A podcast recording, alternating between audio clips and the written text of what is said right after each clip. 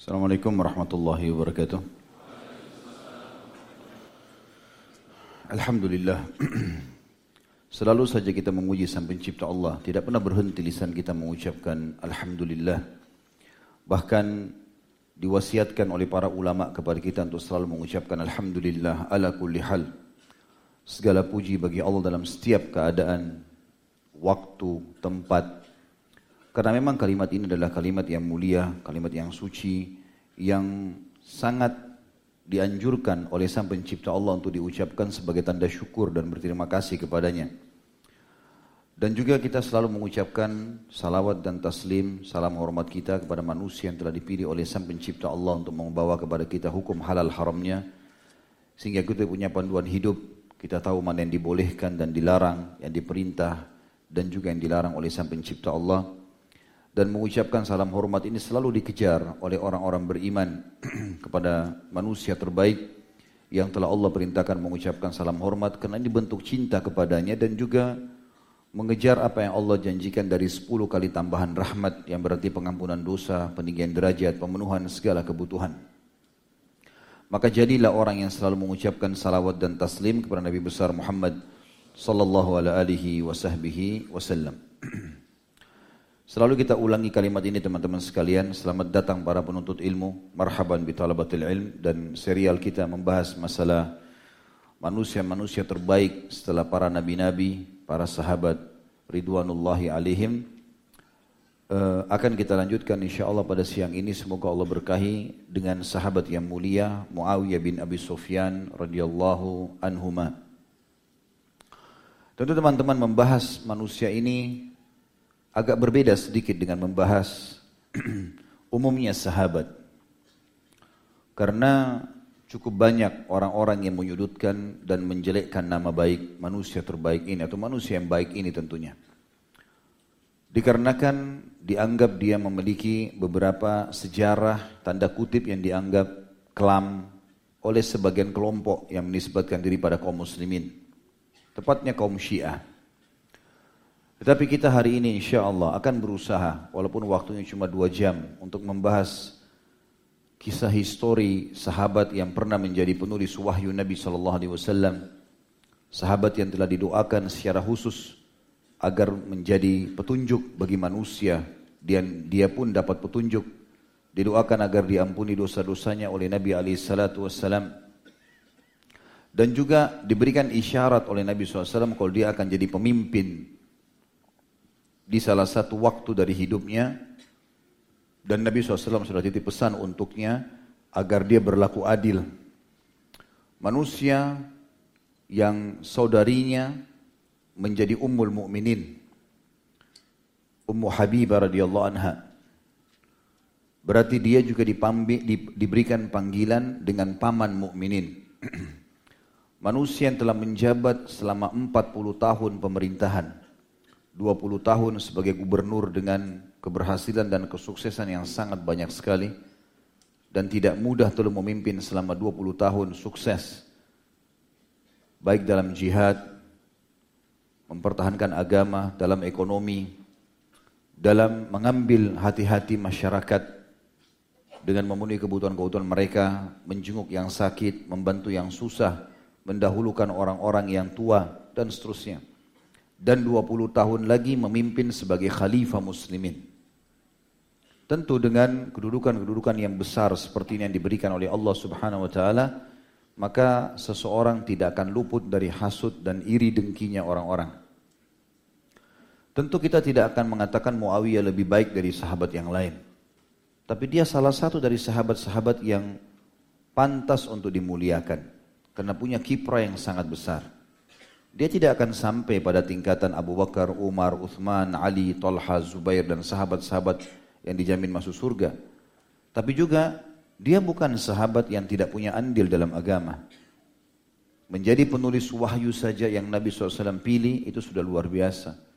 Berarti akan ada ayat-ayat Al-Quran yang kita baca yang dipanen pahalanya oleh manusia terbaik atau manusia yang baik ini. Insya Allah kita akan coba teman-teman sekalian walaupun bahasan ini sebenarnya panjang sekali karena kita membahas orang dari sebelum Islam masuk Islam jadi sahabat jadi manusia biasa bahkan terkenal dengan kehidupan yang sederhananya kemudian sampai menjadi gubernur selama 20 tahun, kemudian menjadi khalifah selama 20 tahun dan mendirikan dinasti pertama dalam Islam dikenal dengan dinasti Umayyah. Ini cukup panjang. Dan Alhamdulillah saya temukan dalam bahasa Indonesia ada buku yang sudah menulis itu dan sudah diterjemahkan. Saya lihat buku ini sangat luar biasa ya, sangat padat. Ditulis oleh Dr. Ali Muhammad As-Sallabi. Memang judulnya Muawiyah bin Abi Sufyan prestasi gemilang selama 20 tahun sebagai gubernur dan 20 tahun sebagai khalifah. Disertai studi kritis tentang fitnah-fitnah yang terjadi di zamannya. Diterbitkan oleh Darul Haq buku ini dan cukup tebal. Muawiyah bin Abi Sufyan. Beberapa uh, referensi dari apa yang akan sampaikan saya akan ambil dari buku ini. Tapi tentu tidak semuanya dari sini. Karena ini memang butuh bahasan yang lama sekali kalau ingin bedah buku yang sebesar ini. Sementara kita mengambil sekelumit dari kisah sahabat ini agar kita mengambil pelajaran darinya. Dan ada yang saya tambahkan seperti kebiasaan saya dalam membahas biologi eh, tentang biografi sahabat ini atau para sahabat adalah setelah menjelaskan manakibnya, keutamaan dan kelebihannya, maka kita mengambil ad-durus wal ibar, pelajaran-pelajaran yang bisa kita ambil. Yang mungkin ini saya susunkan dan insya Allah nanti akan diterbitkan dalam bentuk buku juga dengan izin Allah tentang serial sahabat ini. Baik teman-teman sekalian, beranjak daripada nama sahabat yang mulia ini Muawiyah bin Abi Sufyan bin Umayyah bin Abdi Syams bin Abdul Manaf bin Kusai bin Kilab punya julukan Abu Abdurrahman. Tentu ini sejalur nasab dengan Nabi alaihi salatu wassalam karena Bani Hashim sejalur nasab ya. Bertemu di nasab Qusay bin Kilab. Karena ini akan turun nasab. Berarti memang sejalur nasab dengan Nabi Shallallahu Alaihi Wasallam. Jadi Bani Umayyah dengan Bani Hashim adalah orang kerabat. Kemudian ayahnya Abu Sufyan yang sudah masyhur awalnya tentu membenci dan memerangi Islam, tapi pembebasan kota Mekah masuk Islam dan seluruh anak-anaknya masuk Islam.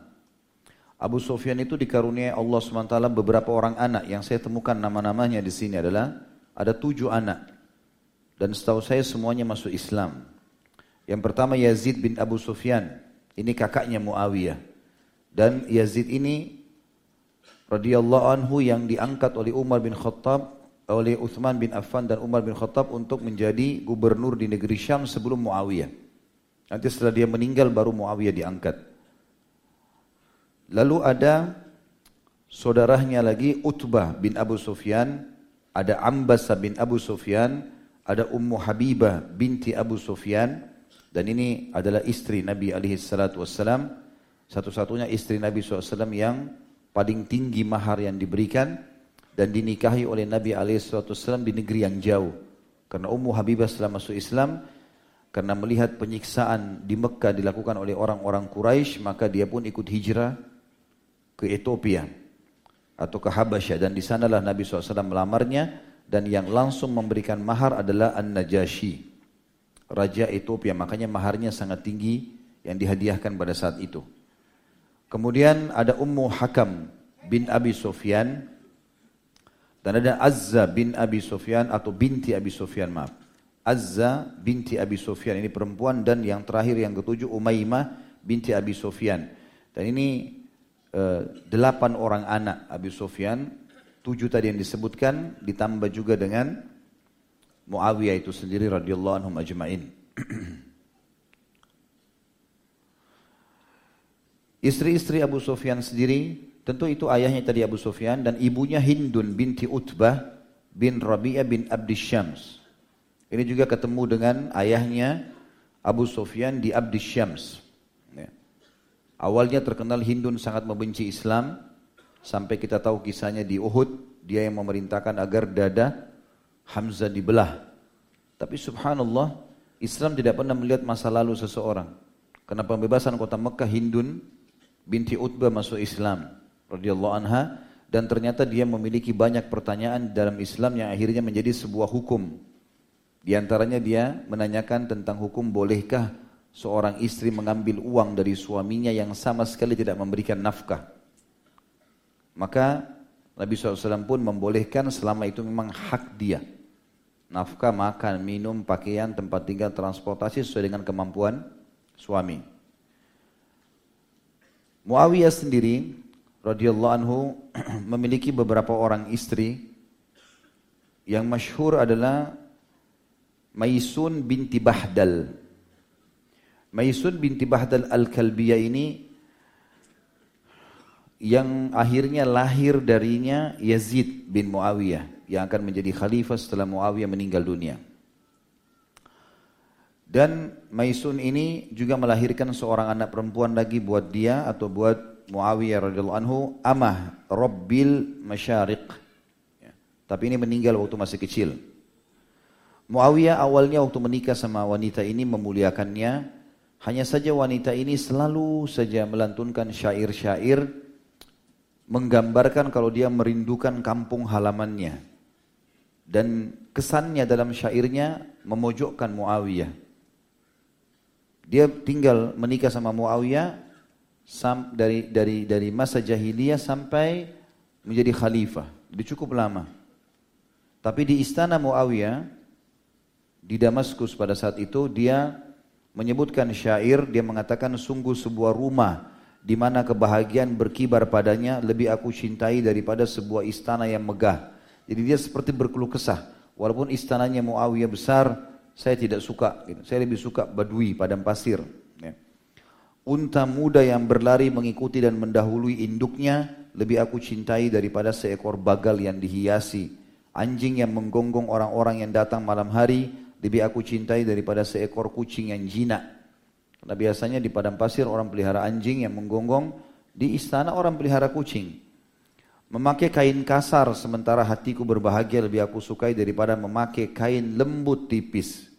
Makan remahan roti yang di samping rumahku lebih aku sukai daripada makan roti yang empuk. Suara-suara angin di setiap sudut perkampungan padang pasir lebih aku sukai daripada dentuman rebana. Anak muda berhati mulia dari kaumku lagi kurus, lebih aku sukai daripada laki-laki yang kasar yang banyak makan. Jadi dia menilai Muawiyah dengan penilaian ini. Kesannya Muawiyah itu kasar dan banyak makan. Kerasnya kehidupanku di perkampungan lebih aku lebih menarik dariku daripada kehidupan yang penuh kemewahan.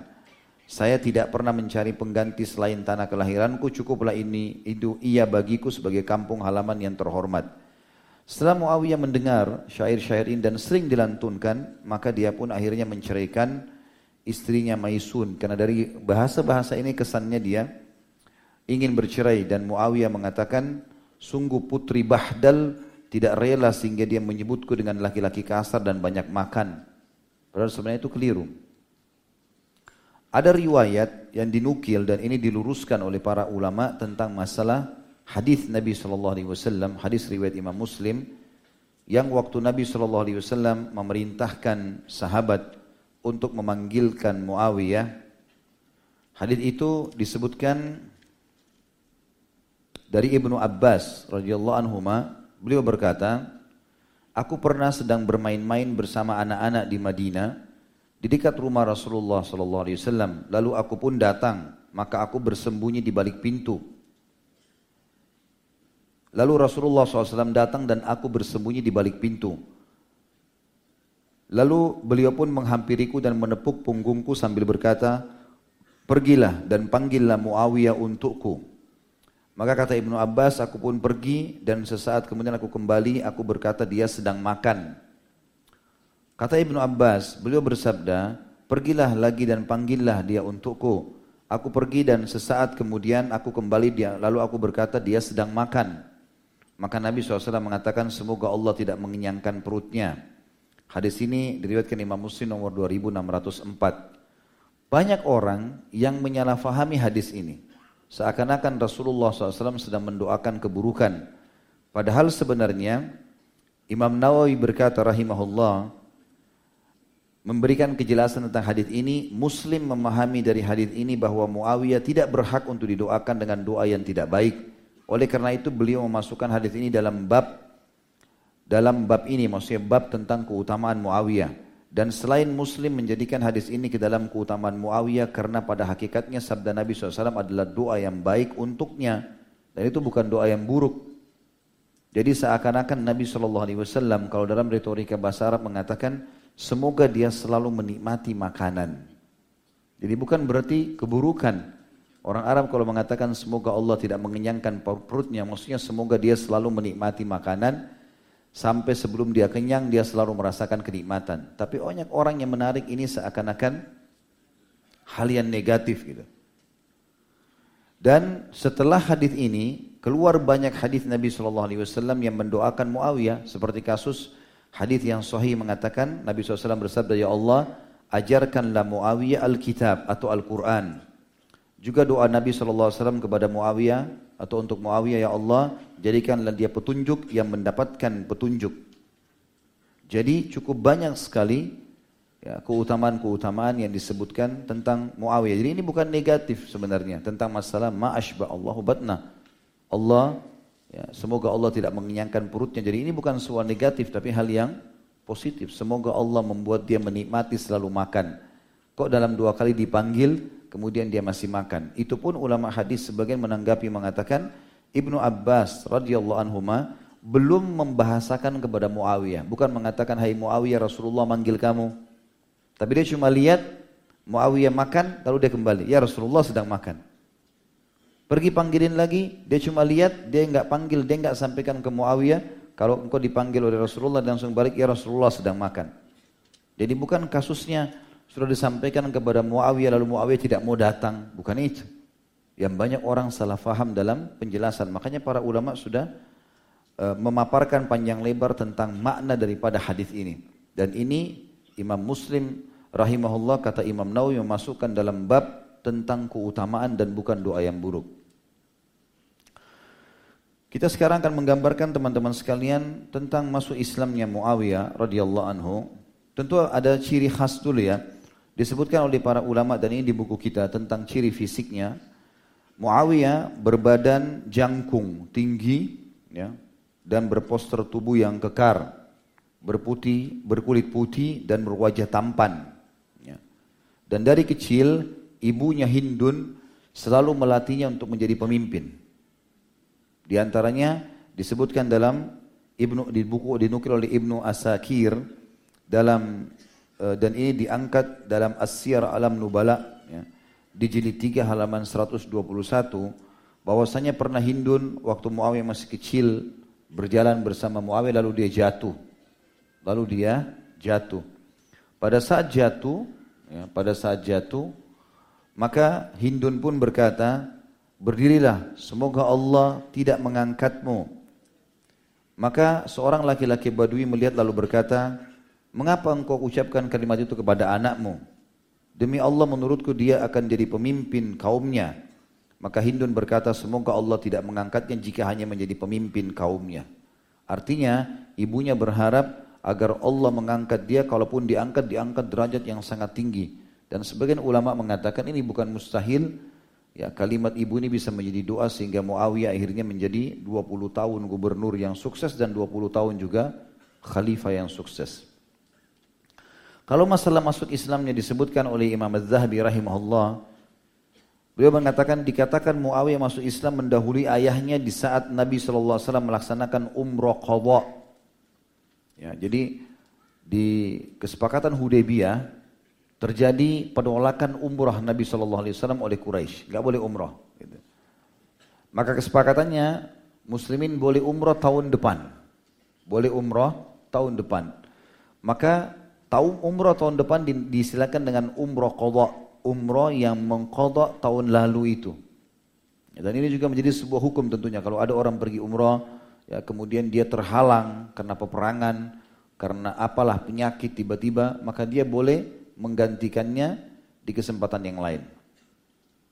Pada saat itu Muawiyah membahasakan Islam telah masuk ke dalam hatiku, maka aku pun akhirnya ya, masuk Islam dan Imam Madzhabi mengatakan rahimahullah, Muawiyah masuk Islam mendahului ayahnya di saat Nabi SAW melaksanakan umrah qadha, tapi dia tidak menyusul Nabi SAW karena merasa takut pada ayahnya.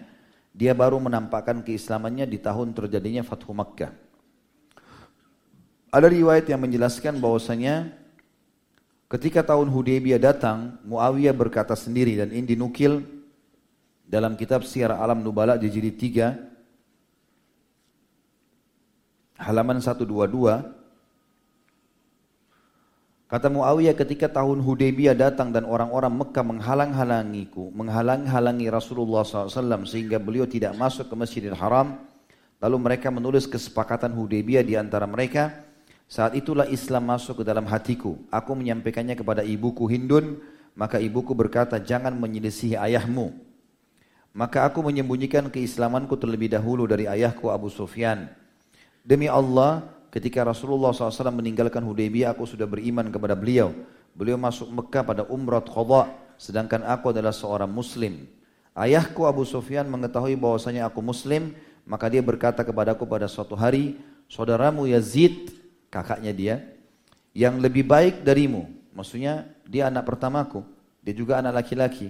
Dia juga punya kedudukan di masyarakat. Lebih baik darimu hai Muawiyah, tapi tetap bersama atau beragama sama denganku. Maka Muawiyah mengatakan aku pun menjawab, aku tidak melalaikan diri untuk menjadi baik. Artinya aku tetap bakti sama engkau ya, aku tetap menjadi orang yang engkau kenal dan aku tidak akan mengubah itu. Maka aku menampakkan keislamanku di tahun Fathi Makkah dan Nabi SAW menyambutku dan pada saat itu langsung menjadikanku sebagai penulis wahyu.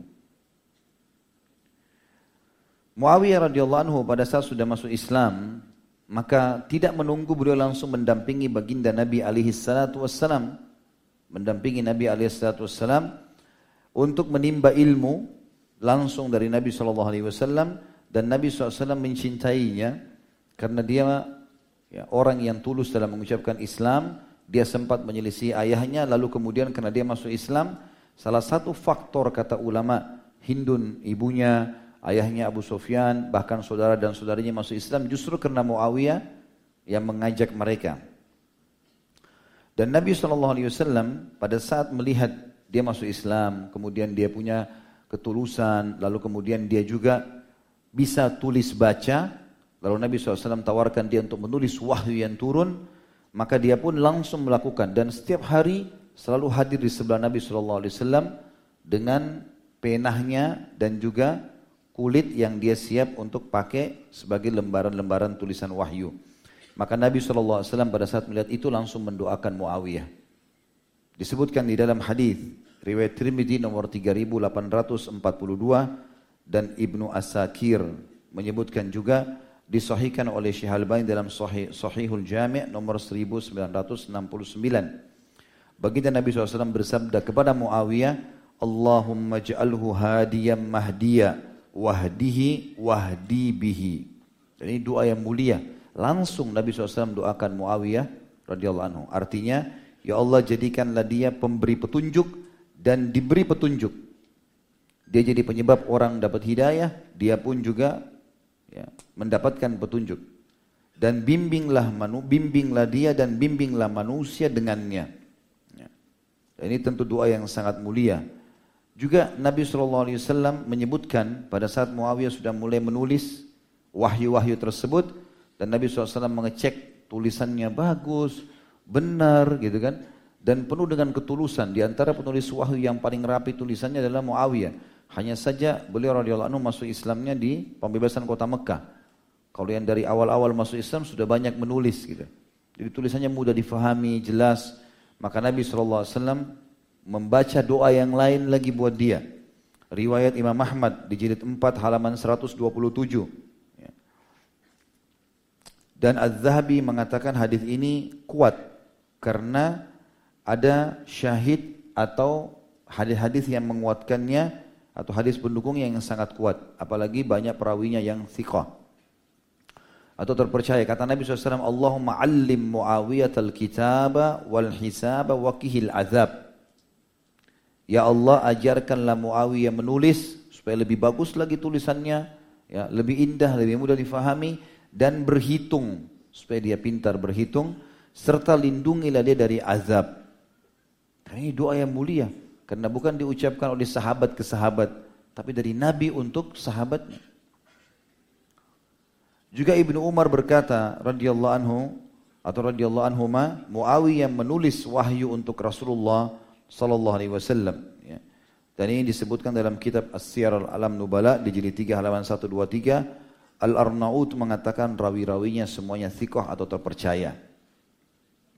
Juga Nabi alaihi salatu wassalam pernah saudaraku seiman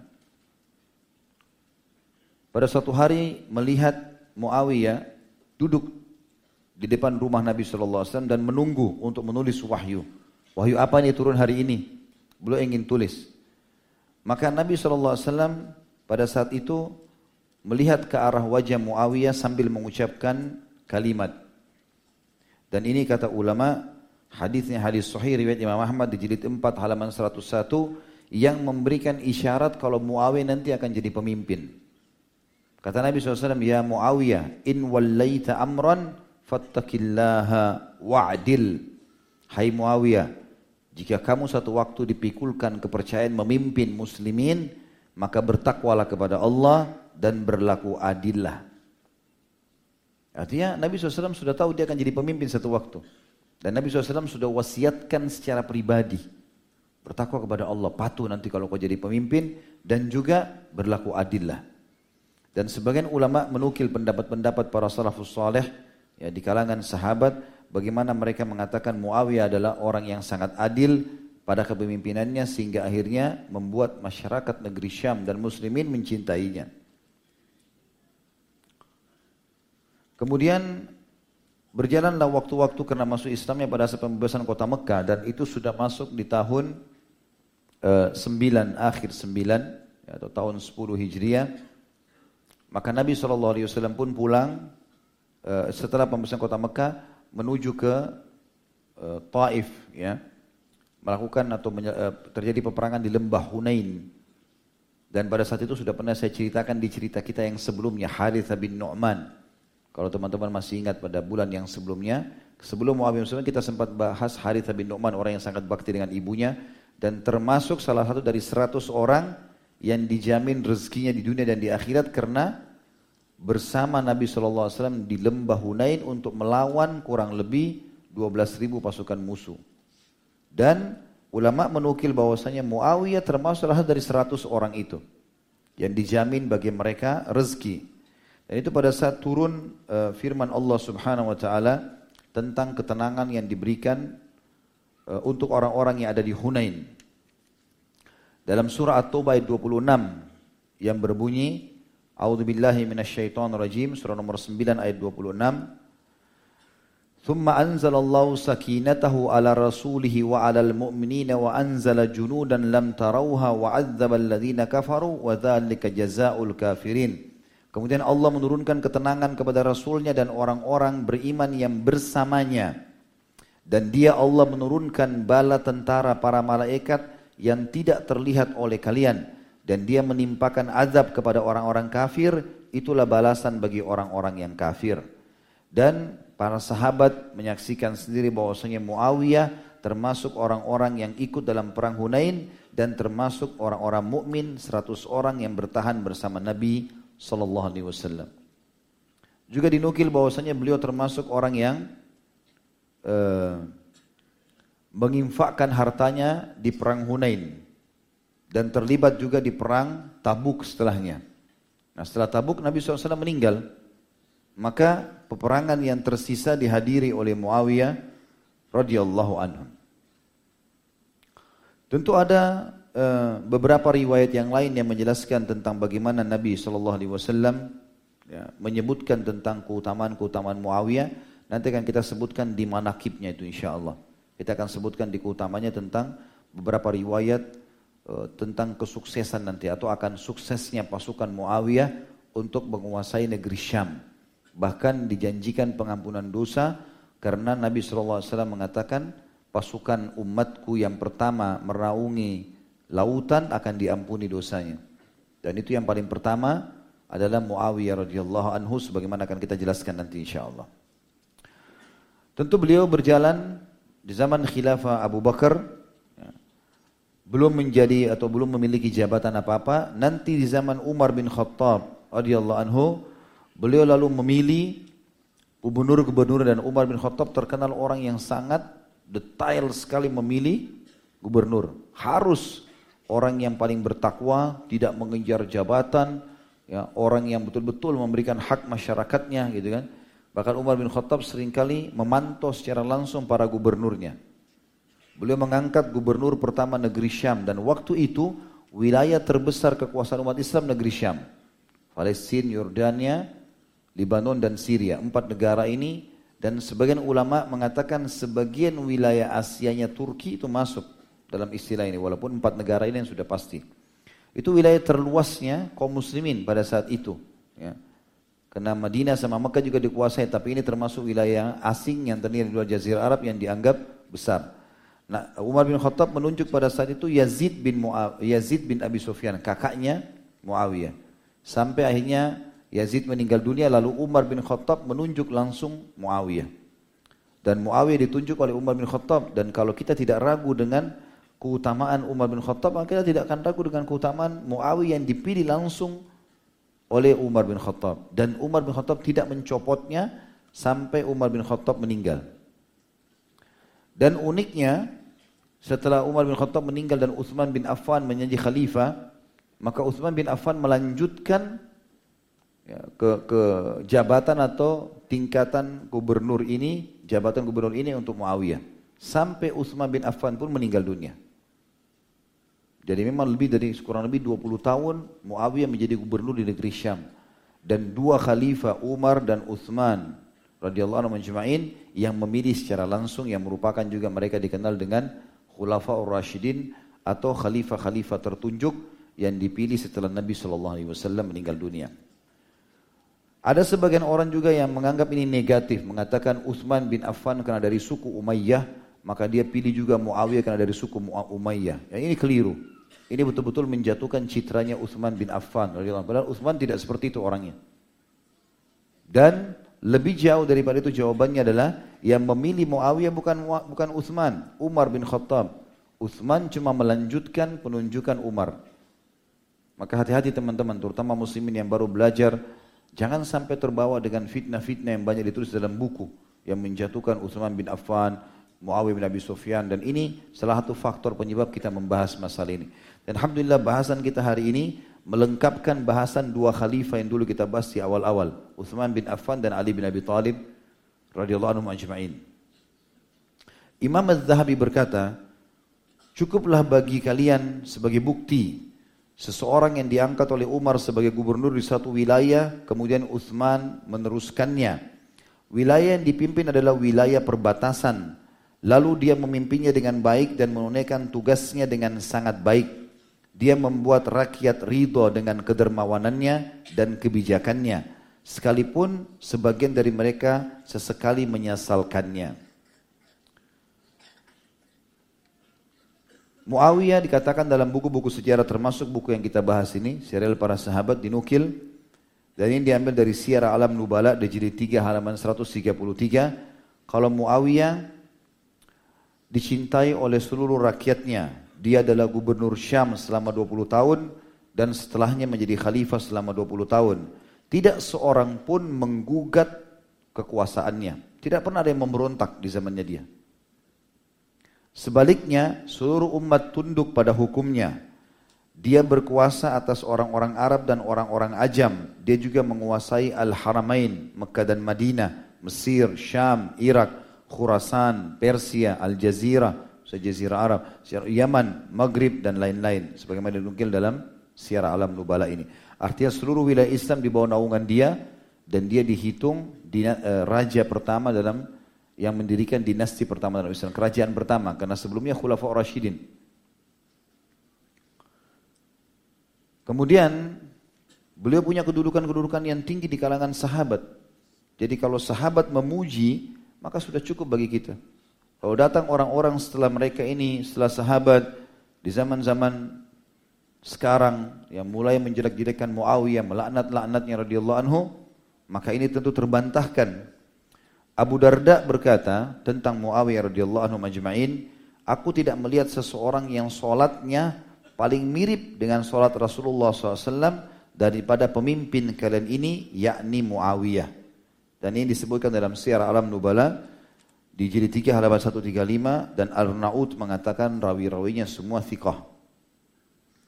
Yang luar biasa adalah Ali bin Abi Thalib radhiyallahu anhu yang sempat terjadi perselisihan antara Muawiyah dan Ali dan akan kita sebutkan masalah perselisihan tersebut ya. Mengatakan jangan pernah kalian membenci kepemimpinan Muawiyah. Ali yang bilang radhiyallahu anhu, jangan pernah kalian membenci kepemimpinan Muawiyah karena jika kalian kehilangan dia, niscaya kalian akan melihat kepala-kepala berjatuhan dari lehernya. Artinya akan terjadi keributan.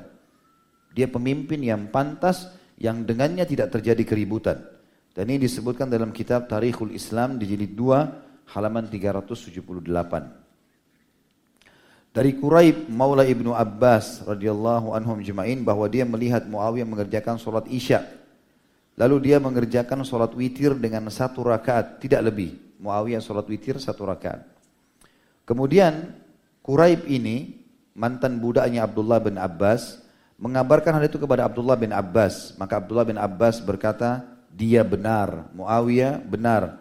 Wahai anakku, tidak seorang pun dari kami yang lebih tahu daripada Muawiyah. Salat witir itu satu rakaat atau lima rakaat atau tujuh rakaat atau lebih daripada itu.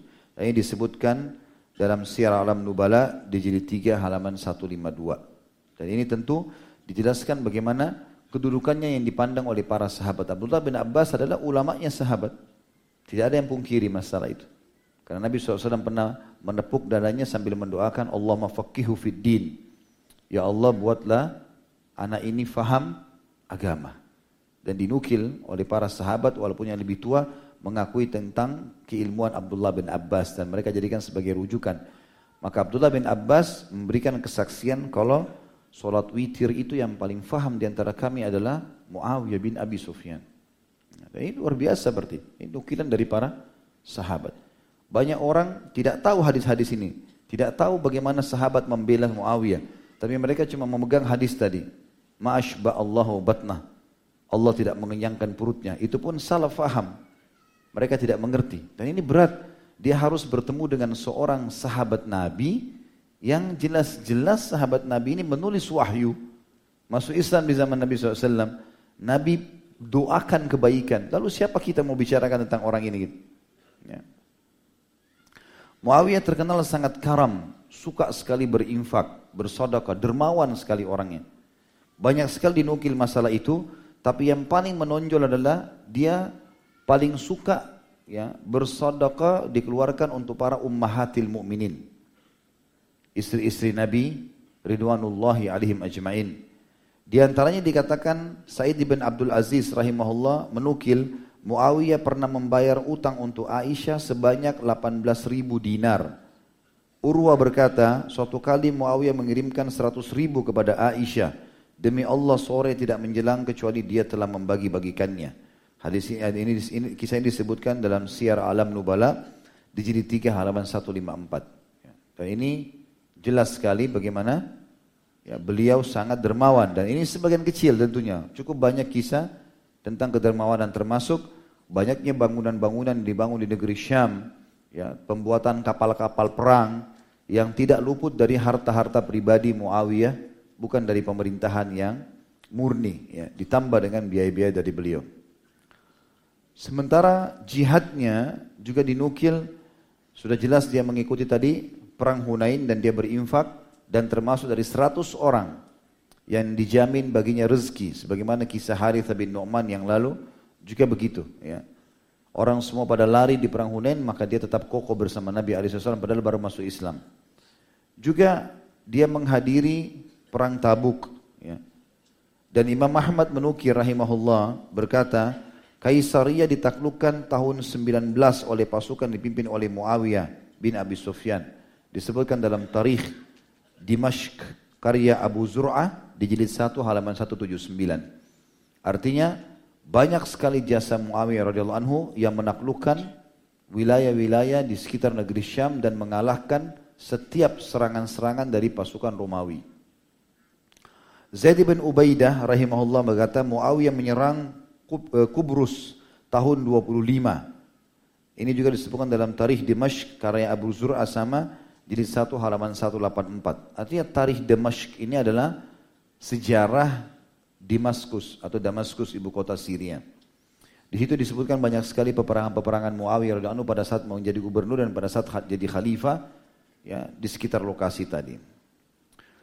Kita masuk sedikit teman-teman sekalian tentang masalah fitnah yang disebarkan oleh sebagian orang dan ini saya sudah sempat sebutkan pada saat membahas kisah sahabat yang mulia Ali bin Abi Thalib radhiyallahu anhu.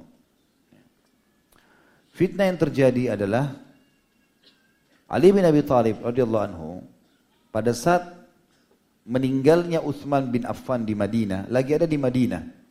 Lagi ada di Madinah. Maka pada saat itu, pada saat Ali bin Abi Thalib di Madinah dan beliau sempat dikatakan dalam sebuah riwayat datang menggunakan imamah hitamnya Kemudian menghenduskan pedangnya sambil berkata kepada Utsman, "Wahai Utsman, perintahkan kepada kami, maka kami akan membelahmu." Maka Utsman mengatakan, "Bubarlah, saya tidak ingin. Saya tidak ingin ada pertumpahan darah di kalangan muslimin." Karena Utsman bin Affan melarang sahabat-sahabat dan orang-orang soleh membelahnya, maka rumahnya dikepung oleh kaum Khawarij. Ada sebabnya, Utsman bin Affan di zaman khilafahnya beliau, Sempat ada satu orang masuk yang bernama Abdullah bin Sabah. Abdullah bin Sabah ini orang Yahudi pura-pura masuk Islam. Begitu historis sejarahnya. Cuma dibolak-balikan oleh orang Syiah seakan-akan ini tokoh masyarakat dan seterusnya. Kemudian dia menyebarkan fitnah kalau Abu Bakar sama Umar merebut khilafahnya Ali. Dia tidak sebut Uthman. Uthman di zaman khilafah. Dia takut ditangkap.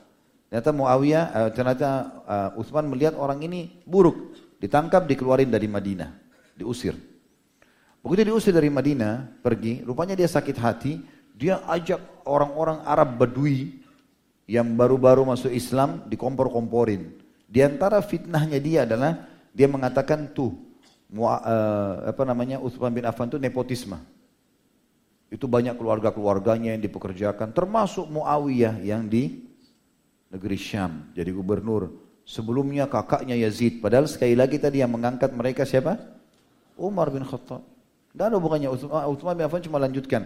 Dan segala macam fitnah lah. Ada tanah masyarakat yang diribut oleh Uthman, ada begini, ada begitu.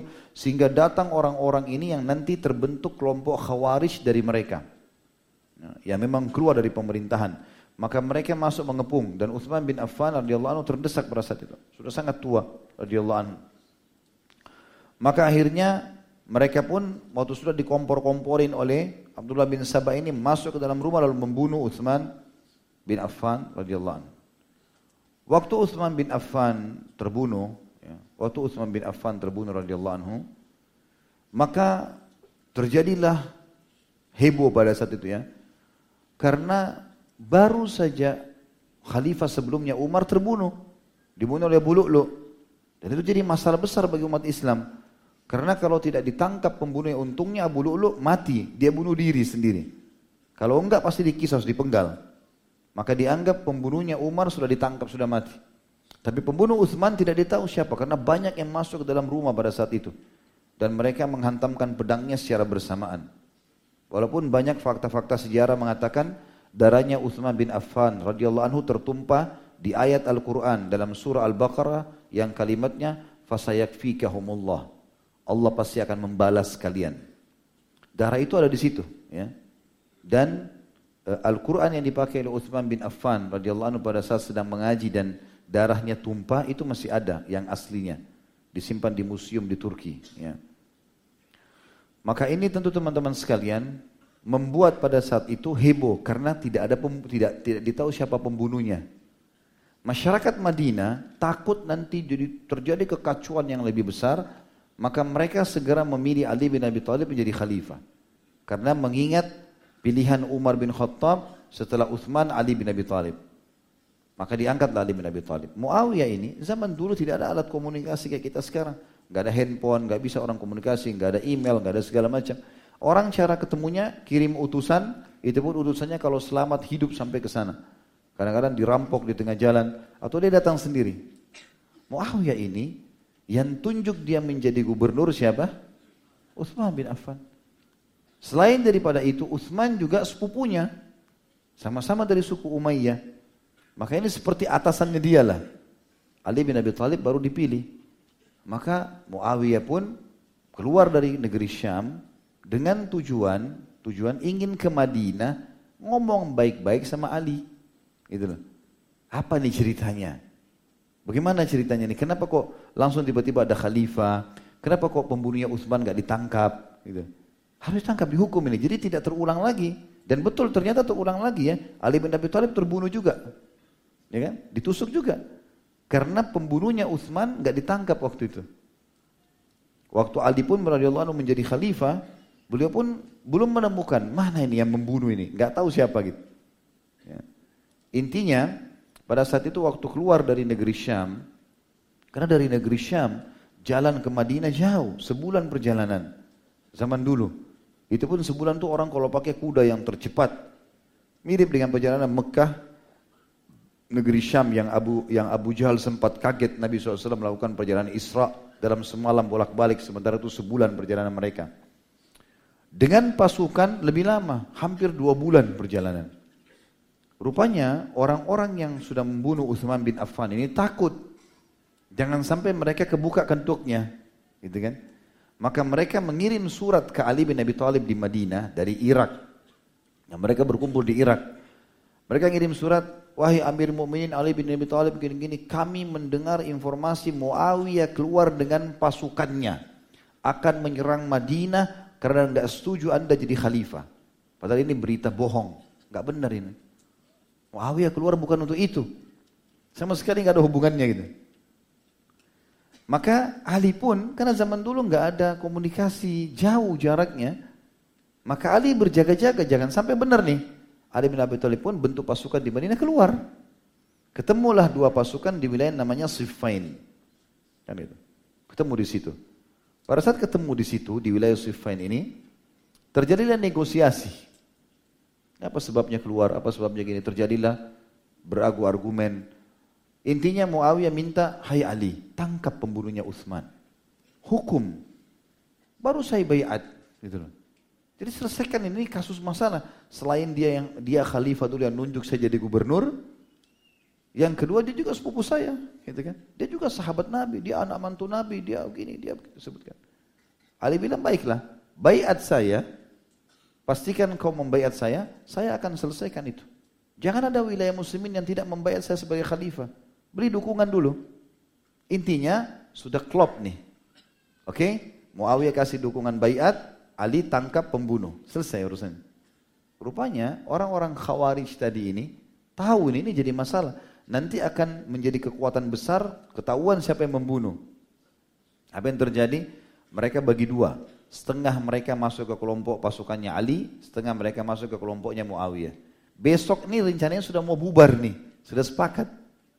Malam itu sebagian khawar dari kelompok Muawiyah, dari pasukan Muawiyah lempar anak panah api ke perkemahannya Ali bin Abi Thalib.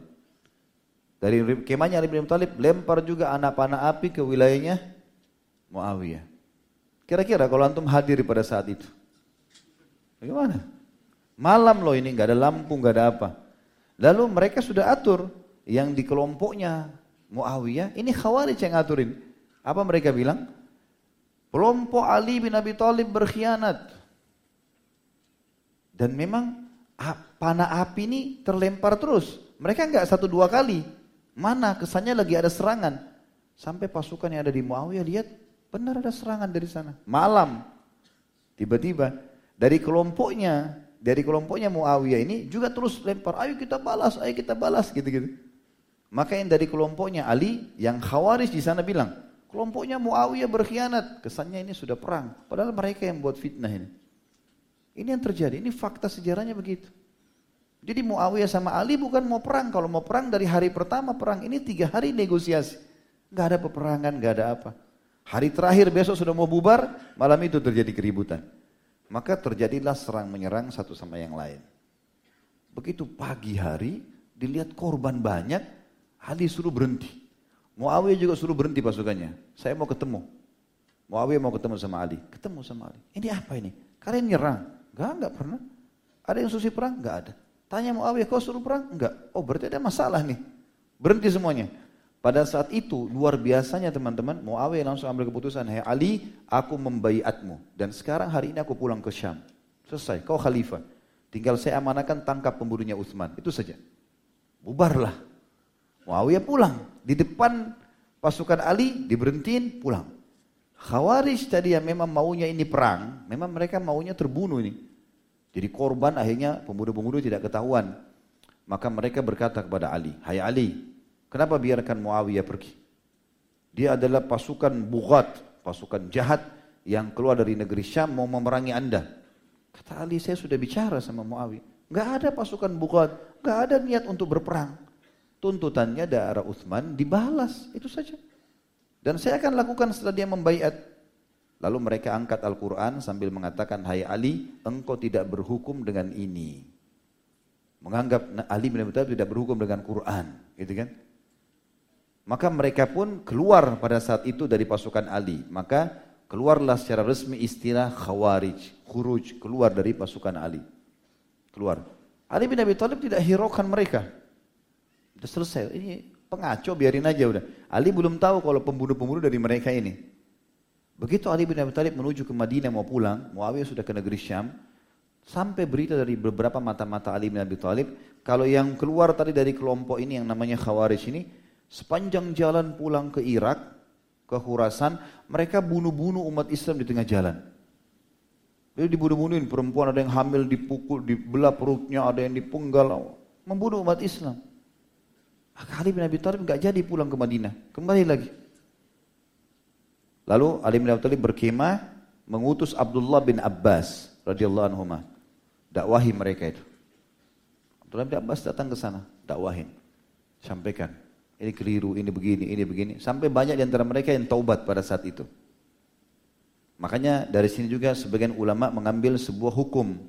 Bagaimana pada saat itu uh, Ali bin Abi Thalib tidak ya langsung memerangi mereka tapi mendakwahi mereka dan juga tidak memanggil mereka datang ke komunitas Ali bin Abi Thalib agar tidak menjadi fitnah. Kalau orang-orang yang berbuat kejahatan-kejahatan ini punya lisan yang tajam, dia bisa membolak-balikan ayat Al-Quran, bisa jadi fitnah bagi muslimin. Kayak misalnya di majelis begini, kita panggil satu orang syiah bicara sini. Kalau dia punya retorika yang bagus, antum bisa terpengaruh. Oh iya ada benernya ya. Nanti orang bisa begitu. Maka retorika Ali bin Abdullah tidak. Kirim Abdullah bin Abbas ke sana. Ulama yang datang sana, silakan berdialog di tempat mereka. Selesai, banyak yang mulai kembali tapi yang lainnya tidak mau. Bahkan mereka buat kekacauan bunuh-bunuh umat Islam. Oleh Abi Abi Talib, Ali bin Abi Thalib dikejar. Di pesisir jalan semua kalau ditemukan diperangi oleh Ali bin Abi Thalib dan Ali bin Abi Thalib menukil hadis beliau mengatakan kalau Rasulullah SAW pernah menyebutkan kepadaku, Hai Ali, engkau akan bertemu dengan satu kelompok yang engkau akan perangi. Kalau engkau menemukan di dalam pasukan mereka ada laki-laki yang lengannya seperti payudara wanita, kayak tidak ada tulangnya. Itu pemimpin mereka. Kalau itu ada di pasukan, ketahuilah kau dalam keadaan benar. Maka Ali bin Abi Thalib memerangi terus mereka sampai pasukannya mereka habis terbunuh. Gitu kan? Walaupun masih ada kelompok khawarij di tempat-tempat lain, tapi ini yang membuat kekacauan tadi terbunuh. Maka Ali bin Abi Thalib berkata pada pasukannya, cari mana itu? Sadain namanya. Orang yang tangannya seperti payudara perempuan. Cari di pasukan. Begitu ditemukan, Ali bin Abi Thalib dengan pasukannya bertakbir sujud syukur kepada Allah kalau mereka bukan membunuh sembarangan orang tapi betul. Karena Nabi SAW mengatakan engkau akan membunuh mereka dan mereka itu kelompok khawarij. Nah, dan Nabi SAW sebutkan banyak dalam hadis. Kalau khawarij adalah anjingnya, neraka dan seterusnya ya. Ada mungkin teman-teman bisa baca artikel khusus masalah itu. Ringkas cerita, Muawiyah radhiyallahu anhu itu pulang ke negeri Syam, membayar Ali, tidak pernah memberontak. Sama sekali tidak pernah. Gitu kan. Ini termasuk yang ditulis oleh penulis buku kita yang sedang kita bedah, pembelaan untuk Muawiyah.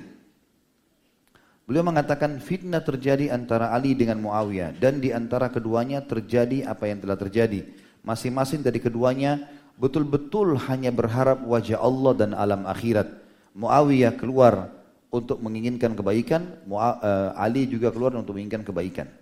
Di antara mereka ada yang benar dan ada di antara mereka yang salah. Jika seseorang mujtahid benar, dia mendapatkan dua pahala dan jika salah dia mendapatkan satu pahala. Dan kami meyakini semua sahabat Rasulullah SAW adalah udul. Udul itu artinya baik dan terjaga agama dan akhlaknya. Baik Ali maupun Muawiyah dan semua sahabat. Mereka tidak menginginkan dunia dan kenikmatannya yang fana dan mereka tidak sekalipun mengharapkan perhiasannya.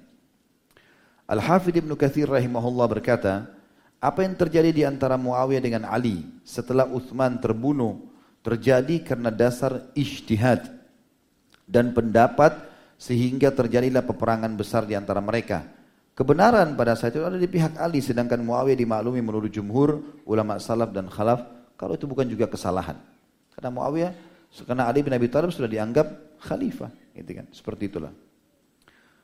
Hadis-hadis yang sahih yang menerapkan bahwa kedua kubu adalah muslim sebagaimana Nabi SAW bersabda sebagian ulama menarik hadis ini adalah terjadi pada saat perang Siffin dan Nabi SAW sudah sebutkan sebelumnya.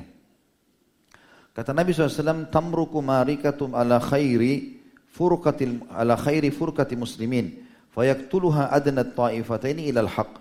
Akan muncul sekelompok pembelok kepada kaum muslimin yang berselisih maka kelompok tersebut akan dibunuh oleh salah satu satu kelompok yang lebih dekat pada kebenaran.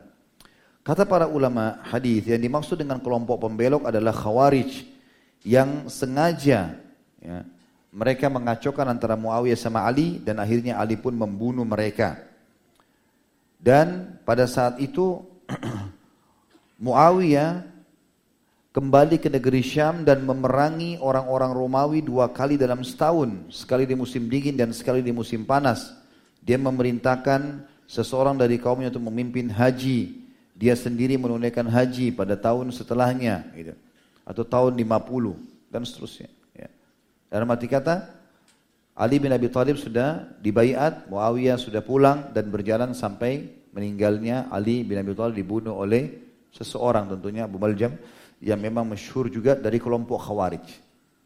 Ya, yang membunuh akhirnya Ali bin Abi Thalib. Ya, dan anehnya dia menganggap membunuh Ali bin Abi Thalib adalah sebuah ibadah. Ya, Allah mustahil fitnah terjadi. Ya. Jadi teman-teman berbahaya sekali ya.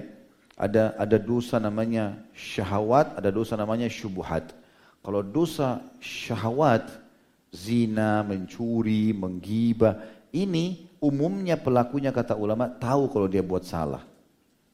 Jadi tidak sulit untuk taubat. Bisa tersentuh secara keimanan taubat.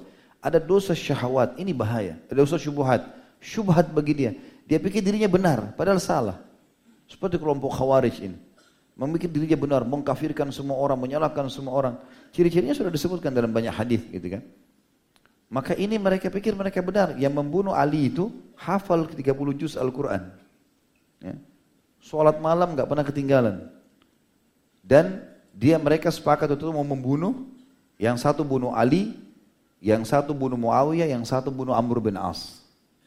Maka yang membunuh Ali bin Abi Thalib di sholat subuh datang ditusuk Ali bin Abi Thalib. Tapi Ali sudah tahu dan beliau mengatakan telah disampaikan kepada oleh Rasulullah SAW dan ini pasti terjadi. Aku akan ditusuk di sini dan akan menetes darah di sini sampai ke sini. Ali bin Abi Thalib sudah disampaikan oleh Nabi SAW akan terjadi terbunuhnya beliau.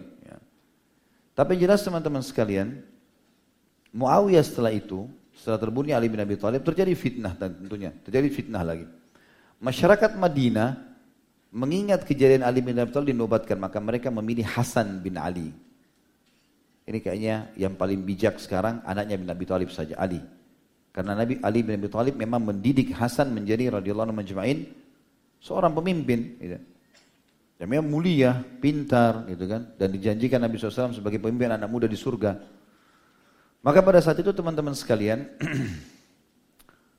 Muawiyah keluar lagi dari negeri Syam. Tapi niat keluarnya sama waktu awal keluar, waktu menghadapi Ali bin Abi Thalib.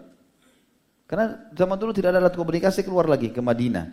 Mau bicara lagi. Ini gimana ceritanya nih? Ali mati dibunuh, kebetulan sebelumnya Utsman dibunuh, pembunuhan Utsman tidak ketahuan. Pembunuhnya Ali berhasil ditangkap, dihukum. Tapi bagaimana ceritanya nih Hasan jadi khalifah nih? Gitu. Mau dengar, mau tahu ceritanya. Datanglah Ali uh, Muawiyah bin Sufyan sampai tiba di pintu gerbang Madinah. Hasan bersama duduk Madinah berjaga-jaga, belum terjadi komunikasi. Ada juga pasukan. Begitu dua kedua pasukan ketemu, Hasan faham masalah ini radhiyallahu anhu, berakal. Cucu Nabi SAW yang luar biasa keimanannya. Maka dia melihat dan dia mengingat kakeknya waktu berkata, ya, kalau pertanyaan kasih ke sana, kasih ke kameramen, nanti disortir dulu. Dan jangan bertanya dulu, kita masih cerita ini. Antum ganggu konsentrasi saja. Nanti saya lupa riwayatnya. Jangan pakai kertas, jangan nulis. Lihat ke depan dulu. Kita selesaikan dulu baru antum nanya. Lagi untuk aman nanya. Hah? Ambil saja ilmunya, amalkan, mati, masuk surga. Gampang sekali. Nanya ini, nanya itu. Apalagi belum selesai. Terus sudah gitu bahas Muawiyah, tanya masalah pernikahan. Tidak nyambung nanti. Sampai mana tadi? Hah? Iya. Hasan radhiyallahu anhu melihat ke pasukan. Lalu beliau mengingat sabda kakeknya sallallahu alaihi wasallam waktu melihat Hasan mengatakan anak cucuku ini atau anakku ini adalah tuan, sayyid. Dan semoga Allah menolong dia untuk menyatukan dua pasukan muslimin. Tiba-tiba pada satu Hasan melihat dua pasukan muslimin. Dia pemimpinnya. Di sebelah ada Muawiyah. Tidak niat perang, tapi pasukan sudah ketemu. Ini pakaian perang, ini pakaian perang. Sekarang saya kasih gambaran teman-teman. Ini jelihnya, cerdasnya Hasan radhiyallahu anhu. Kalau misalnya kita jalan 10 orang, saya jalan sama 9 orang di belakang saya, di seberang jalan ada 9 orang, 10 orang juga. Enggak apa-apa, enggak buat apa-apa. Tapi ada satu orang dari orang yang jalan sama saya ambil batu iseng lempar ke sana. Dibalas enggak kira-kira? Dibalas. Dan susah berhentiin. Orang kalau tawuran, satu saja lempar, udah selesai. Susah, butuh waktu. Pasti ada korban. Kan gitu. Sekarang Muawiyah tidak niat berperang, baru mau negosiasi. Hasan lihat sudah terbentuk pasukan di belakangnya. Pasukan ini satu orang saja takbir atau lempar panah habis ceritanya. Kan ribut, muslimin korban gitu kan. Apa kata Hasan? Waktu pas ketemu Muawiyah, saya memberikan kekuasaan pada Muhai Muawiyah. Tidak ada peperangan sama sekali. Muawiyah belum menyampaikan maksudnya. Maksud datang ini sebenarnya bukan masalah kekuasaan. Memang mau dengar kenapa jadi kekuasaan, tapi tiba-tiba dia di, silahkan ambil kekuasaan. Enggak usah saya jadi kekuasaan. Bahasa lain, kau lebih tua, lebih faham pemimpinan, ambillah. Muawiyah mengatakan baiklah kalau itu keputusannya. Selesai, selesai. Maka dikenal pada saat itu dengan Amul Jam'i. Tahun persatuan umat Islam. Gak ada masalah, gak ada yang ribut. Makanya orang-orang Syiah membenci Hasan, padahal itu cucu Nabi Shallallahu Alaihi Wasallam. Makanya di sini terbukti kebohongan mereka dalam masalah mencintai ahli bait. Ahli sunnah wal jamaah betul-betul mencintai ahli bait. Hasan mereka benci. Kenapa Hasan tidak melawan Muawiyah? Kenapa enggak perang? Kenapa mengalah? Kenapa begini? Sementara Hussein keluar sampai terbunuh. Itu pun ada histori sendiri. Kita juga punya sejarahnya masalah Hussein radhiyallahu anhu majma'in gitu kan. Dan ahli sunnah wal jamaah meyakini semuanya itu terjadi dengan hikmah Allah subhanahu wa ta'ala. Dan yang luar biasa teman-teman, salah satu keturunan Nabi SAW yang bernama Muhammad bin Idris, Imam Syafi'i rahimahullah. Beliau punya wasiat yang luar biasa, saya selalu pegangi ini perkataan yang mulia. Dari Quraisy dari turunan Nabi SAW dan ulama besar umat Islam. Maka beliau pernah ditanya oleh sebagian orang, sengaja datang ke majelis beliau lalu bertanya, Wahai imam, imam syafi'i dia dipanggil imam, kalau kita kiai guru gitu. Wahai imam, bagaimana pendapat anda dengan yang terjadi antara Muawiyah dengan Aisyah dalam perang unta dan bagaimana pendapat yang terjadi antara Muawiyah sama antara Ali dengan Muawiyah di Siffin. Mereka mau dengar pendapatnya Imam Syafi'i apa, lalu mereka mau sebarin nih ceritanya. Kalau Imam Syafi'i bilang, oh Muawiyah yang salah, nah disebarin. Oh Ali yang salah disebarin. Memang tujuannya mau mengacuin umat Islam nih. Ada kelompok-kelompok begitu subhanallah. Datang di majelis ilmu, datang di tengah muslimin, mau ngacuin saja. Gitu kan. Ciri-cirinya ada, ada saja caranya untuk mengacukan semuanya. Ya jelas teman-teman sekalian, Imam Syafi'i membaca ayat sambil mengatakan dan ini dua kali terulang dalam surah Al-Baqarah. Ayat 134 dan ayat 141. Kalau saya tidak salah ini disebutkan dua kali Allah sebutkan. Setelah Allah ceritakan tentang Ibrahim, Ismail, Ishak, nabi-nabi dari Bani Israel, Allah mengatakan, A'udzu billahi minasyaitonir rajim. Tilka ummatun qad khalat. Itu umat-umat yang sudah berlalu. Laha ma kasabat walakum ma kasabtum. Mereka sudah dapat apa yang mereka dapatkan sebagai hasil dari perbuatan mereka. Walakum makasabtum dan kalian juga akan mendapatkan hasil dari perbuatan kalian. Kalian wala tus'aluna amma kanu ya'malun. Jangan pernah nanya-nanya lagi kenapa apa yang mereka lakukan. Ini perkataan Imam Syafi'i Allah bijak sekali. Artinya siapa yang benar, Muawiyah, Ali, hukum yang terbunuh itu umat yang telah berlalu. Yang salah dihukum Allah, yang benar juga akan dikasih balasan. Dan kita juga ini akan dihisap sama Allah. Kita juga akan dihisap, maka harus kita jaga diri kita sendiri.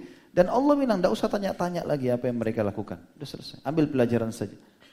Dan ini kalimat yang sangat bijak. Seorang salafus soleh yang lain berkata, kalimat yang luar biasa bijaknya.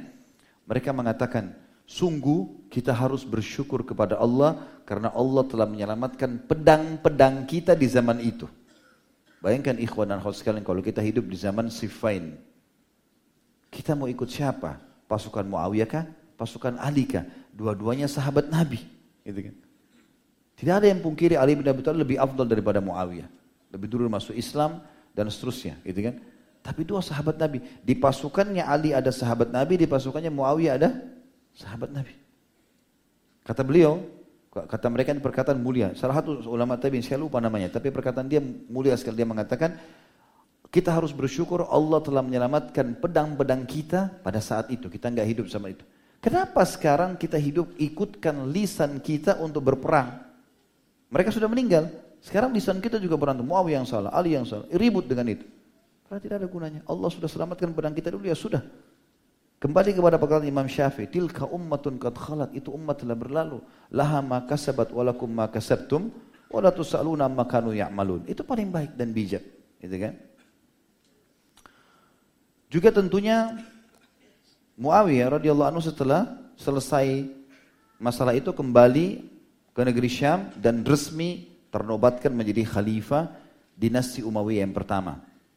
Dan untuk mendirikan sebuah kerajaan besar teman-teman, berkuasa dari tahun 40 Hijriah sampai 132 Hijriah, ini nggak gampang. Berkuasa. Dan di zaman kerajaan dinasti Umayyah ini ada tercatat dalam sejarah dari sekian banyak khalifahnya, itu ada lima khalifah yang punya sejarah emas. Ya. Muawiyah, kemudian uh, Abdul Malik bin Marwan, Sulaiman bin Abdul Malik, Umar bin Abdul Aziz. Ya. Ada banyak yang punya pengaruh-pengaruh besar histori dalam sejarah Islam, dalam histori Islam, dalam jihad. Dan di zaman Umayyah inilah lahir ulama-ulama besar. Gitu kan? Ada Imam Malik, Imam Syafi'i, Imam Ahmad, Imam Abu Hanifah. Di zaman ini. Di zaman dinasti Umayyah ini. Generasi yang sudah Nabi SAW katakan sebaik-baik generasi-generasiku para sahabat dan generasi sesudahku. Dinasti Umayyah itu. Dan dinasti yang dan dan generasi yang sudahnya dinasti Abbasiyah disebutkan itu. Bahwasanya mereka terbaik dan dinasti Abbasiyah juga lahirlah para ulama-ulama hadis Bukhari, Muslim, Abu Dawud, Tirmidzi, Ibnu Majah, Nasai, seterusnya ini di zaman-zaman itu semuanya. Dan ini hal yang mesti kita buka pandangan mata kita teman-teman sekalian. Dan juga yang disoroti tentang masalah fitnah yang terkena pada Muawiyah adalah bagaimana dia menulis wasiat pada saat mau meninggal untuk menunjuk Yazid, anaknya, menjadi khalifah. Sebagian ulama di antara sahabat ada yang menegur itu. Abdullah bin Umar bin Abbas, kenapa harus pilih Yazid? Tapi ulama yang lain menjelaskan, Muawiyah sempat menjawab. Karena pemerintahan pusat waktu itu ada di negeri Syam ibu kota Islam di negeri Syam. 20 tahun Muawiyah dari tahun 40 Hijriah sampai tahun 60 Hijriah menjadi khalifah, aman, tentram, gak ada apa-apa. Dan yang selalu mendampingi Muawiyah yang menjadi tangan kanannya Yazid. Maka Muawiyah itu beristihad menganggap yang paling pantas ganti dia Yazid karena yang paling faham. Jadi tidak terlalu tidak terlalu terjadi jenjang yang besar kalau dia digantikan. Itu istihadnya Muawiyah radhiyallahu anhu. Jadi bukan maksud hanya untuk anaknya saja diangkat seperti banyak orang menukil negatifnya ini. Padahal Muawiyah radhiyallahu punya punya tujuan-tujuan. Terlebih lagi dikatakan bahwasanya ada hadis yang sahih. Hadis ini tentu teman-teman disebutkan oleh uh, Ibnu dari Ibnu, Ibnu Hajar disebutkan dalam kitab beliau Al-Bidayah wa Nihaya uh, di jilid 5 halaman 629 630 yang hadis ini berbunyi kata Nabi SAW, awwalu jaisin yagshu, yagzu, yagzu Konstantinia magfurun lahum. Pasukan yang pertama menyerang Konstantinia diampuni dosa-dosanya. Dan Imam Madhabi mengatakan, kami memuji Allah atas keselamatan.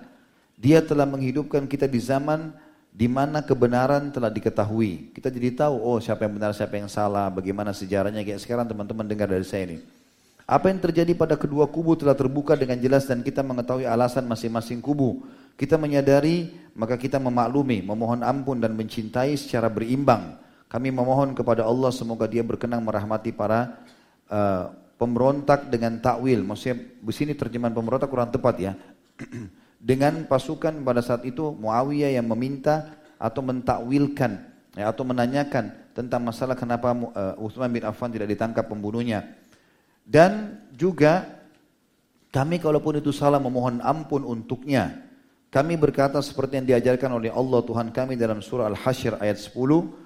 A'udzu billahi minasyaitonir rajim. Rabbana ighfir lana wa li ikhwani alladziina sabaquna bil iman wala taj'al fi qulubina ghillan lil ladzina amanu. Wahai Rabb kami, ampunilah kami dan saudara-saudara kami yang telah beriman sebelum kami. Dan janganlah engkau jadikan dalam hati kami kebencian kepada orang-orang yang beriman. Kami juga menyatakan semoga Allah meridhai para sahabat yang tidak terlibat dalam salah satu dari dua kelompok tersebut. Seperti Sa'ad bin Abi Waqqas, Abdullah bin Umar, Muhammad bin Maslamah, Sa'id bin Zaid dan beberapa sahabat Nabi yang lain.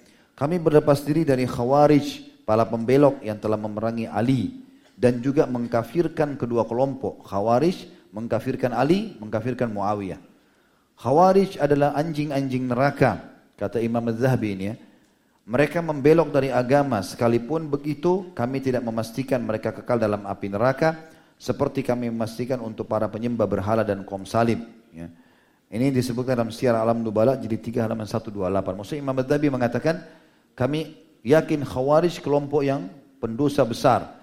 Tapi kami tidak yakin, kami belum mengatakan mereka akan kekal di api neraka seperti orang kafir. Maksudnya kami tidak mengkafirkan khawarij itu. Tapi kami mengatakan mereka akan disiksa di neraka.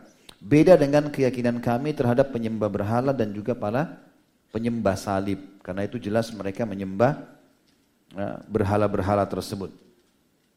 Az-Zahabi juga rahimahullah mengatakan menanggapi fitnah yang terjadi antara Ali dan Muawiyah radhiyallahu anhu dia berkata, Jalan kami adalah menahan diri dan memohon ampunan kepada Allah untuk para sahabat. Kami tidak menyukai perselisihan di antara mereka dan kami berlindung kepada Allah darinya serta kami mencintai Amir Mu'minin Ali bin Abi Thalib. Artinya kami cintai semua, kami yakin dan kami akui khilafahnya Ali sebagaimana Muawiyah meyakini masalah itu. Az-Zahabi juga berkata tentang Muawiyah radhiyallahu anhu, dia termasuk raja terbaik di mana keadilan mereka e, mendominasi kezaliman mereka. Sekalipun dia tidak selamat dari hal-hal yang mengundang kritikan dan semoga Allah memaafkan semua itu. Dalam Syiar Alam Nubala jilid 3 halaman 39. Tentu ini semua adalah uh, kronologis kisah yang kita sampaikan. Nanti kita akan masuk ke bahasan kita masalah keutamaan atau manakib Muawiyah. Kita akan lengkapkan apa yang kita jelaskan tadi. Berikut juga kita akan masuk insya Allah ke Ad-Durus wal Ibar. Muawiyah pada saat berbaring di ranjang kematiannya dinukil dari Muhammad bin Sirin rahimahullah seorang ulama tabi'in masyhur ketika ajal hendak menjemput Muawiyah dia meletakkan pipinya di tanah kemudian dia membalik wajahnya ya, dan meletakkan pipinya yang lain sementara dia menangis dan berkata artinya dia letakkan tidur di tanah pipi kanannya kena tanah kemudian dia balik lagi pipi kirinya juga kena tanah lalu dia berkata ya Allah sesungguhnya engkau telah berfirman dalam kitabmu A'udzu billahi minasyaitonir rajim.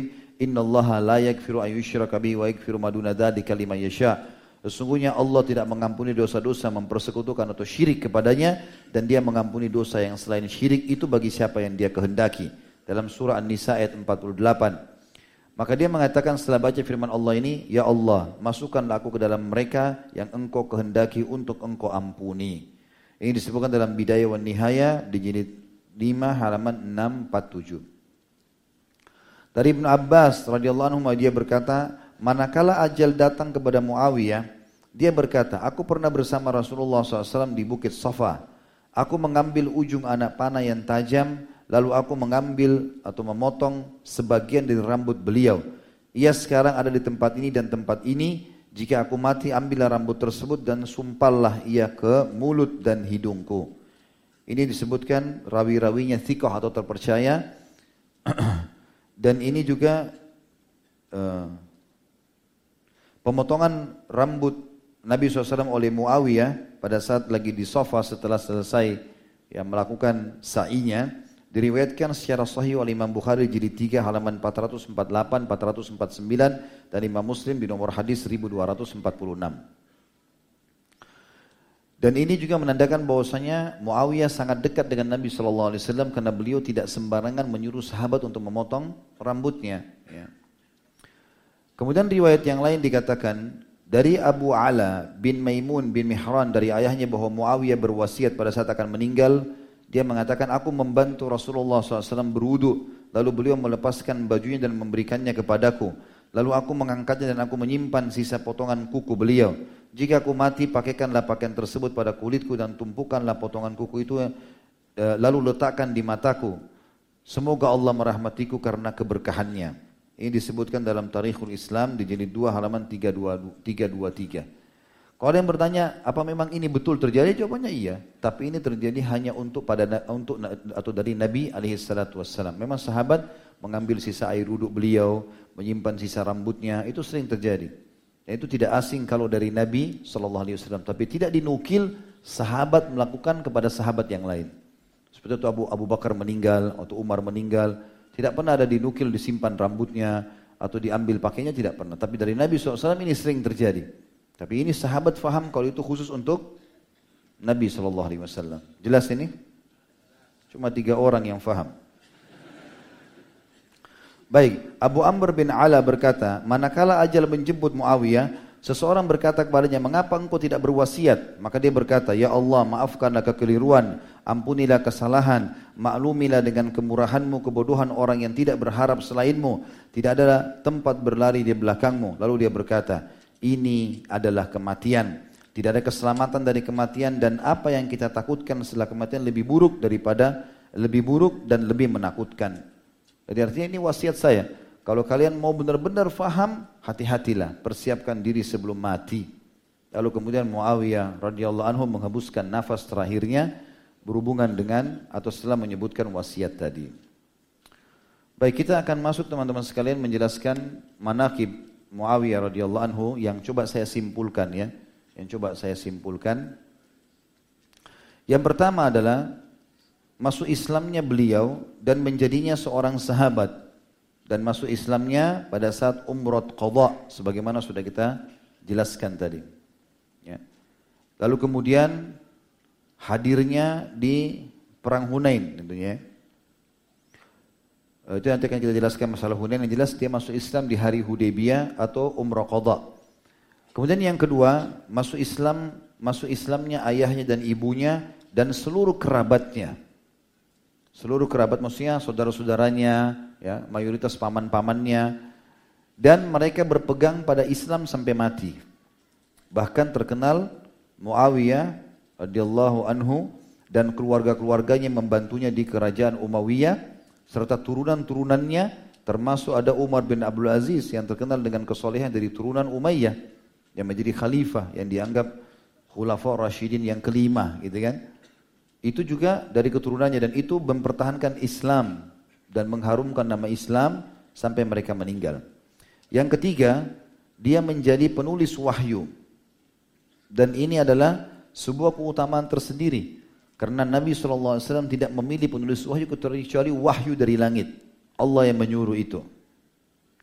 Dan awal kisahnya adalah disebutkan dalam riwayat Imam Muslim, waktu Abu Sufyan masuk Islam pembebasan kota Mekah, dan sudah tertanam iman dalam hatinya Islam, sudah mulai dia yakin dengan keislaman, maka dia pun berkata, Ya Rasulullah, ini anakku Muawiyah. Dia bisa menulis, maka aku minta kepadamu untuk menjadikan dia sebagai penulismu. Maka Nabi SAW mengatakan, baiklah. Jadi semenjak itu, Muawiyah menjadi penulis wahyu Nabi alaihi salatu wassalam. Dan tentu dari sini juga kita bisa tahu kalau Muawiyah punya andil dalam Al-Quran sampai menjelang hari kiamat. Walaupun kita tidak, saya tidak menemukan dia menulis ayat yang mana di surah berapa, Allahu alam. Itu, itu belum saya temukan sama sekali dan termasuk buku yang saya anggap lengkap pun ini, setahu saya belum menulis dia nulis dari ayat keberapa ke ayat berapa gitu, atau di surah mana gitu. Itu yang ketiga, menjadi penulis wahyu. Yang keempat, dia menjadi ipar Nabi Shallallahu Alaihi Wasallam. Ini juga sebuah karunia. Berarti terjalin lagi hubungan kekerabatan yang lebih dekat. Karena Nabi SAW menikah dengan saudarinya bernama Ummu Habibah radhiyallahu anhum ajma'in. Yang kelima, Nabi SAW mendoakan secara khusus dengan doa-doa yang mulia. Seperti tadi yang sudah kita sebutkan hadis yang sahih atau hasan sahih diriwayatkan oleh Tirmidzi. Yang kata Nabi SAW, Allah maja'alhu hadiyam mahdiya, wahdihi wahdi bihi. Ya Allah jadikanlah dia sebagai petunjuk dan menjadi petunjuk bagi orang lain dan berilah ia hidayah dan juga semoga dia menjadi penyebab hidayah orang lain. Juga doa Nabi SAW yang tadi hadis sahih riwayat Imam Ahmad. Yang kata Nabi SAW, Allah ma'allim Muawiyah al-kitaba wal hisaba wa kihil adab. Ya Allah ajarkanlah Muawiyah menulis dan hisab, hitung-hitungan, serta selamatkan dia dari segala jenis siksaan. Yang keenam, Nabi SAW telah menetapkan kalau dia akan jadi pemimpin. Ya. Artinya akan menjadi seorang pemimpin umat. Makanya Nabi SAW wasiatkan kepada beliau dalam hadis yang dihasilkan para ulama lewat Imam Ahmad sudah kita sebutkan tadi. Waktu Nabi SAW melihat di depan rumah dia sudah tunggu dengan penanya dan kulit yang dia pakai untuk nulis wahyu. Lalu Nabi SAW pandang wajahnya sambil mengatakan, Wahai Muawiyah, in wallaita amran, fattakillaha wa'dil. Kalau nanti satu waktu kau jadi pemimpin, dan kalau Nabi bicara begini bukan tebakan, ini wahyu. Berarti kau akan jadi pemimpin. Beda dengan kalau kita bilang kepada anak kita misalnya atau teman kita, nanti kalau kamu berhasil, itu kita manusia biasa bisa salah. Tapi kalau Nabi SAW menyampaikan ini wahyu. Kalau kau jadi pemimpin satu waktu, dan terhadap orang-orang yang bersamanya. Waktu itu bersama Nabi SAW 100 orang, di antaranya Muawiyah bin Abi Sufyan. Jadi ayat ini masuk beliau di antaranya. Ya. Dan Allah menurunkan tentara yang tidak kalian lihat dan Allah menyiksa dengan tentara-tentara itu maksudnya para malaikat orang-orang kafir. Begitulah kami membalas orang-orang kafir. Juga turun firman Allah Subhanahu wa taala dalam surah Al-Hadid. Surah nomor 57 ayat 10 yang bunyinya A'udzu billahi minasyaitonir rajim. Wa ma lakum alla tunfiqu fi sabilillahi walillahi walillahi mirasus samawati wal ardh La yastawi minkum man أنفق min qablil fathi wa qatal ulaika a'lamu darajatan minal ladina من min ba'du wa qatalu wa kullan والله husna wallahu bima khabir. Yang artinya kenapa kalian tidak menginfakkan harta kalian di jalan Allah sementara Allah yang mewariskan seluruh langit dan bumi maksudnya pemiliknya dan bisa memberikan kepada siapa yang dia kehendaki dan tidak akan sama kedudukannya orang-orang yang berinfak sebelum pembebasan kota Mekah dan berperang. Mereka lebih besar pahalanya ya derajatnya lebih tinggi daripada orang-orang yang berinfak setelah pembebasan kota Mekah dan berperang. Dan semuanya dijanjikan oleh Allah surga. Dan Allah sangat eh, Allah akan memberitahukan apa yang kalian kerjakan. Di sini kata para ulama Muawiyah bisa masuk salah satu dari dua kelompok ini. Karena dua-duanya janjikan surga. Kelompok yang berinfak dan berperang sebelum pembebasan kota Mekah. Karena dia beriman di kesepakatan Hudaybiyah, di Umrah Qadha.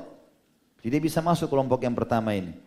Atau dia masuk di kelompok kedua yaitu orang yang berinfak dan berjihad setelah pembebasan kota Mekah. Walaupun yang sebelumnya lebih tinggi derajatnya. Tapi Allah mengatakan wa kullan wa'adallahu husna. Semua Allah janjikan dua-duanya surga. Ya. Yang kedelapan, Rasulullah SAW menjamin baginya surga. Menjamin bagi Muawiyah radhiyallahu anhu surga. Dan ini luar biasa ini. Dari mana kita ketahui itu? Dalam hadis Bukhari, Nabi SAW bersabda yang bunyinya, Awwalu jaishin min ummati al bahra qad aujabu. Pasukan yang pasukan dari umatku yang pertama berperang di lautan mereka telah terwajibkan atau telah mendapatkan surga. Dan Muawiyah dicatat dalam sejarah-sejarah Islam adalah orang yang pertama membentuk pasukan lautan dan orang yang pertama dari umat Islam berperang di lautan. Dan ini dalam hadis Bukhari. Dan itu terjadi di zaman kerajaannya